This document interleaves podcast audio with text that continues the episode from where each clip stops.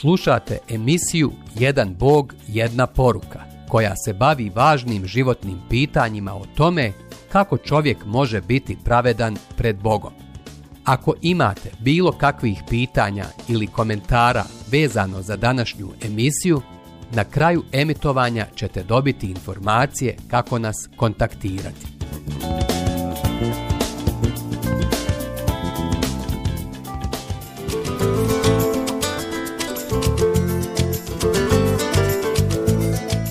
Jedan Bog, jedna poruka. 17. poglavlje Ko je on? Gazele koje se vežu, te potomstvo. Poslovica plemena Volov. Kao što gazele jedino kote gazele, tako i grešnici rađaju jedino grešnike. Pogledajmo sebe. Ko može da se izvuče iz vrtloga zla i grijeha? To je očigledno. Grešnici. Pogledajmo samo američku filmsku industriju. Svake godine hollywoodski producenti i vlasnici moćnih filmskih kuća stvaraju heroje i heroine koji isijavaju sebičnošću, nemoralom, perverzijama, poganim jezikom, nasiljem, osvetoljubivošću i prevarom. Zašto ti scenaristi namjerno stvaraju dobre momke sa grešnim osobinama? Zašto nekada ne gledamo glavnog junaka koji je pravičan, dobar, nesebičan, koji rado prašta i pošten je. Zato što je ljudska rasa zaražena grijehom. Čak su i najbolji likovi zaraženi, a ova pošast nije ograničena jedino na Hollywood. Ljudska ropska, grešna priroda se ogleda na nebrojene načine. Recimo, ako živite u arapskom svijetu, svakako znate ko je juha, lik iz vijekovima stare literature. Narodne priče o njemu i njegovom magarcu sve zasmijavaju. Postoje stotine anegdota koje su napisane o ovom spadalu koji je smiješan i kada govori i kada nešto radi. Ali je sebičnjak, bahat, lascivnih misli, osvetoljubiv, prevarant i lažov. Da, baš takav, izmišljen lik, legenda, ali svejedno zatrovan grijehom. Evo jedne kratke priče o njemu. Došao juhi prijatelj, Obećao si mi, reče mu, nešto para na zajam, pa evo me da zajmim. Juha mu reče, prijatelju, nikome ne pozajmljujem, ali obećanja o tome rado dajem, slobodno njima ispuni srce. Nismo li i sami ovakvi, koliko puta smo obećali i zakazali? Čak i u trenu kada smo obećavali, nismo namjeravali održati riječ. Juha je slika naše prirode koja je pala u grijeh. Ipak, postoji jedna osoba u istoriji svijeta koja je održala sve rečeno i obećano. Uvijek je govorila istinu, nije varala, vrijeđala, zastrašivala ili prijetila osvetom. Njeno ime je Isus. On koji grijeha ne učini, nit mu usta prijevaru izustiše. On koji na uvredu nije uvredom uzvraćao i mučen nije prijetio, prepuštajući to sucu pravednom. Prva Petrova poslanica, druga glava, 22. i 23. stih. Bezgrešni Isusov život je sušta suprotnost grešnoj kulturi našeg svijeta. Bio je i ostao jedini koji se rodio bez grijeha, budući da je prošao kroz sva iskušenja kao i mi, ali nije sagriješio. Hebrejima poslanica, četvrta glava, 15. stih Suvremeni prijevod. Nikada nije pomislio ništa zlo, niti loše. Ružna riječ mu nikada nije izašla iz usta. Dok je rastao sa polubraćom i polusestrama u njihovom domu u Nazaretu, prirodno je ispunjavao dekalog i sve druge Božije zakone, i ritualno i suštinski. Iako je imao u svemu tijelo nalik našem, bio je potpuno oslobođen grešne tjelesnosti. I znate, on se pojavi da odnese grijehe, i grijeha nema u njemu. Prva Ivanova poslanica, treća glava, peti stih. Kada mu je bilo 30 godina, otpočeo je javnu službu. Rat između Boga i Sotone se razbuktao. Đavo je znao zašto je Boži sin došao, da ga satre, ali nije znao kako Isus to planira učiniti. I kao što je iskušavao prvog čovjeka, dok je ovaj još bio savršen, da se ogluši na Božiji zakon, sada će pokušati drugog savršenog čovjeka gurnuti u isto, da djeluje protivno Božijim riječima. Isus se pun duha svetoga vratio s Jordana i duh ga 40 dana vodio pustinjom, gdje ga je iskušavao đavao. Tih dana nije ništa jeo, te kad oni istekoše, ogladnje. A đavao mu reče, ako si sin Boži, reci ovom kamenu da postane kom Isus mu odgovori, pisano je, ne živi čovjek samo o kruhu. Lukino evanđelje, četvrta glava, od prvog do četvrtog stiha. Primijetimo, Sotona ne gura Isusa u neko zlo. Stalo mu je da bezgrešni čovjek, uljez na njegovom terenu, djeluje mimo Boga Oca Nebeskog. A pomenuli smo negdje u 11. poglavlju da je grijeh svako razmišljanje ili djelovanje nezavisno od Boga. Stvar je u sljedećem. Ako bi Mesija počinio i najmanji grijeh, ne bi mogao ispuniti svoju misiju i spasiti Adamovsku ogrijehovljenu rasu od prokledstva grijeha i smrti. Baš kao prezadužen čovjek koji je nemoćan vraćati tuđe dugove, tako ni grešnik ne može otkupiti drugog grešnika. Ali Božiji sin koji je postao i čovječiji sin, nije imao svojih dugovanja, svoje grijehe. Mogao je bezbjedno mahnuti smrti jer je bio oslobođen grijeha. Ali Vidjet ćemo ubrzo, to nije bio Božiji plan. Umeđu vremenu Sotona je iskušavao Isusa da zgriješi tako što bi uradio nešto mimo božanskog savršenog plana. Ali Isus mu je svaki put zatvarao usta navodeći riječi Biblije. I povede ga na visoko, pokaza mu odjednom sva kraljevstva zemlje i reče mu Tebi ću dati svu ovu vlast i slavu njihovu, jer meni je dana i komu hoću dajem je ako se dakle pokloniš predamnom, sve je tvoje. Isus mu odgovori. Pisano je, klanjaj se gospodinu Bogu svomu i njemu jedinom služi. Lukino evanđelje, četvrta glava, od petog do osmog stiha. Kao što je Bog Adamu dao vlast nad tvorevinom, tako sada Sotona nudi gospodu Isusu vlast koju je uzurpirao kada je prvi čovjek odlučio slijediti ga. Za razliku od Adama, Isus nije poslušao Sotonu. Isus ne može sagriješiti, jer je Bog nesagriješiv, a Božja riječ se utjelovila. Isusovi sljedbenici Nedugo po odpočinjanju javne službe Isus je odabrao dvanaestoricu da ga prate gdje god bude išao. Sa njima su išle i mnoge žene i svi su oni bili svjedoci svega što je Gospod govorio i činio. Zatim zareda obilaziti gradom i selom, propovijedajući i navješćujući evanđelje o kraljevstvu Božijem. Bila su sa njim dvanaestorica i neke žene koje bijahu izliječene od zlih duhova i bolesti. Marija zvana Magdalena, iz koje bijaše izgnao sedam đavola. Zatim Ivana, žena Herodova upravitelja Huze, Suzana i mnoge druge. One su im posluživale od svojih dobara. Lukino evanđelje, osma glava, od prvog do trećeg stiha. Isus je svima iskazivao poštovanje, muškarcima, ženama i djeci. Evanđelja nam bilježe mnoge narative u kojima jasno vidimo poštovanje s kojim se obhodio prema ženama, baš posebnu blagonaklonost koja je prevazilazila ondašnju rimsku i hebrejsku kulturu. Za njega je svaka ljudska osoba beskonačno vrijedna, a ipak nikada nikoga nije primorao da mu vjeruje i slijedi ga. Ključno pitanje Isusa su uglavnom slijedili obični ljudi, ali ne i vođe hebrejskog naroda. Jednog dana učenicima je postavio pitanje. Šta mislite o Kristu? Čiji je on sin? Matejevo je evanđelje, 22. glava, 42. stih. Rekli su mu da je Mesija, potomak kralja Davida. Na to, on ih je podsjetio da im je i sam David prorokovao obećanog spasitelja, i kao njegovog zemaljskog potomka i kao Božijeg sina. Nešto ranije ih je pitao slično pitanje. Kad Isus dođe u krajeve Cezareje Filipove, upita učenike. Što govore ljudi? Tko je sin čovječi? Oni rekoše. Jedni da je Ivan Krstitelj, drugi da je Ilija, treći opet da je Jeremija ili koji je od proroka.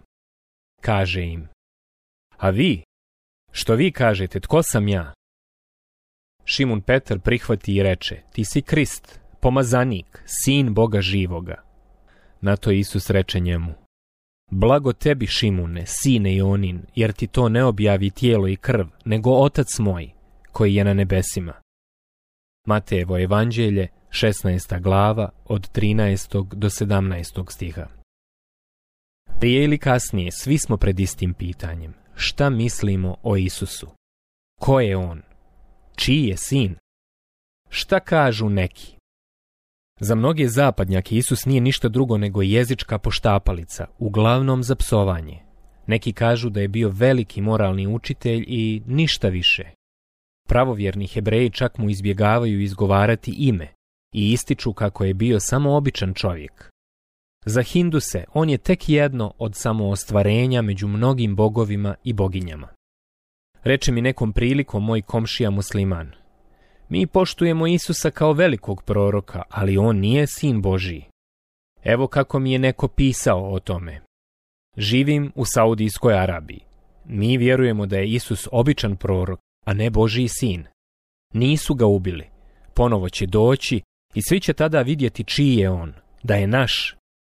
Nadam se da će se to dogoditi za vrijeme vašeg života, pa da se i vi priključite našoj divnoj religiji i vidite pravo svjetlo. A ovako mi je pisao jedan malezijac. Vjerujem da je Bog jedan i da nikada nije ni bio, niti ličio na čovjeka. Ako bilo ko vjeruje da je Bog postojao kao ljudsko biće, taj je veliki bogohulnik. Sva ova uvjerenja potiču iz onoga što Kuran kazuje o Isusu. Šta Kuran govori o Isusu? Kuran dosljedno ponavlja da Isus nije ništa više od proroka. Sura 4 od 171. do 173. stiha. Sura 5, 75. stih. Sura 2, 136. stih. Ali ova sveta knjiga muslimana također kazuje da je Isus jedinstven među prorocima, da nije imao biološkog oca i naziva ga Isa ibn Marijam, to je sin Merjemin, sura 19, 34. stih. Također, Kuran govori o grijesima proroka, ali nikada o Isusovom grijehu.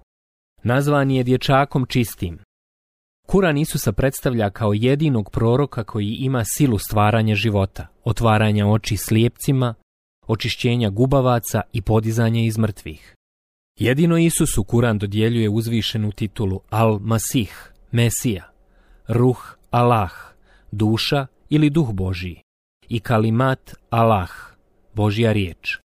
Uprkos ovih jasnih kuranskih potvrda Isusove posebnosti, moramo reći i ovo. Isa ibn Marijam, to jest sin Merijemin, je ipak oslikan radikalno drugačije nego li Isus u Bibliji. Recimo, isti stihovi Kurana koji Isusa časte sjajnim titulama kažu i ovo. Mesih, Isa, sin Merijemin, samo je Allahov poslanik i riječ njegova koju je Merijemi dostavio i duh od njega. Zato vjerujte u Allaha i njegove poslanike i ne govorite trojica su prestanite, bolje vam je. Allah je samo jedan bog, hvaljen neka je on, zar on da ima dijete? U Senegalu smo doživjeli da nam i djeca i odrasli ponavljaju, bog nema sina i Isus nije razapet. Ali odakle im zamisao o tome da Isus nije razapet na krst? Iz četvrte sure Kurana koja kaže Zbog nevjerovanja njihova, Hebreja, i zbog iznošenja teških kleveta protiv Merijeme i zbog riječi njihovih. Mi smo ubili Mesiha, Isaa, sina Merijemina, Allahova poslanika. A nisu ga ni ubili ni raspeli, već im se pričinilo. Oni koji su se o njemu u mišljenju razilazili, oni su sami o tome u sumnji bili. O tome nisu ništa pouzdano znali, samo su nagađali. A sigurno je da ga nisu ubili, već ga je Allah uzdigao sebi a Allah je silan i mudar. Sura 4 od 156. do 158. stiha. Šta nam kazuje Biblija? Vijekovima prije nego je napisan Kuran, četrdesetak proroka i apostola, pisaca i starog i novog zavjeta, na svoj način su oslikali Mesiju i njegovu misiju. Kada je riječ o Isusovoj tituli Sin Božiji, Apostol Ivan, neko ko je živio sa Isusom više od tri godine, ovako svjedoči. Isus je pred svojim učenicima učinio i mnoga druga znamenja koja nisu zapisana u ovoj knjizi. A ova su zapisana da vjerujete. Isus je Krist, Sin Božiji, i da vjerujući imate život u imenu njegovu. Ivanovo evanđelje, 20. glava, 30. i 31. stih. Isti apostol piše i ovo. U početku bijaše riječ, i riječ bijaše u Boga, i riječ bijaše Bog. Ona bijaše u početku u Boga. Sve postade po njoj i bez nje ne postade ništa. I riječ tijelom postade i nastani se među nama i vidje smo slavu njegovu, slavu koju ima kao jedino rođenac od oca, pun milosti i istine. Ivanovo evanđelje, prva glava, od prvog do trećeg stiha i četrnaesti stih. Prije nekoliko godina povjerio mi se jedan prijatelj, musliman. Kuran časti Isusa titulom Kalimat Allah, Božja riječ i Ruh Allah, Božja duša. Ako je to tako, da je Isus Božja riječ i duša Božja, onda je On i Bog. Kasnije su ga neki optužili za bogohuljenje i širk. To je idolatrija na arapskom jeziku, zato što je spominjao partnersko spajanje s Bogom pa barem je bio u dobrom partnerstvu. Naime, i Isusa su savremenici, vjerske vođe, optužili na isti način, za istu stvar, a on im je uzvratio. Ja i otac jedno smo. Židovi ponovo pograbiše kamenje da ga kamenuju. Isus im odgovori.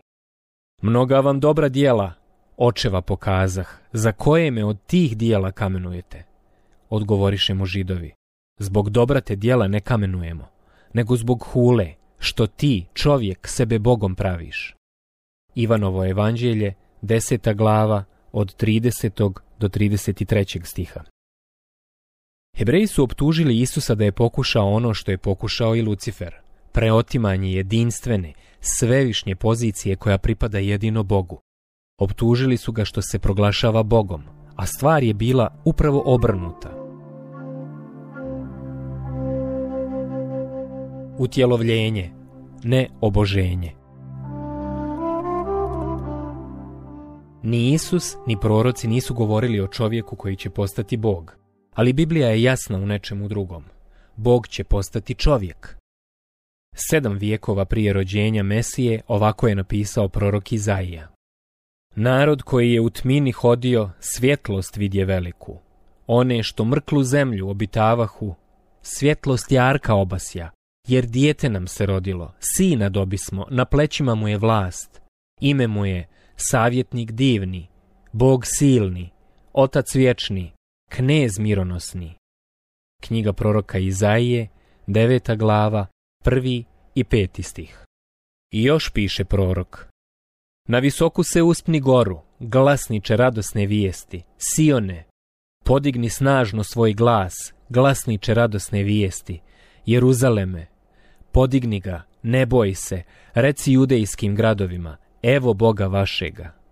Knjiga proroka Izaije, 40. glava, 9. stih.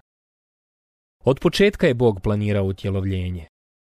Kada Bog na sebe uzima ljudsko tijelo, a ne oboženje, kada se čovjek sam pretvara u Boga.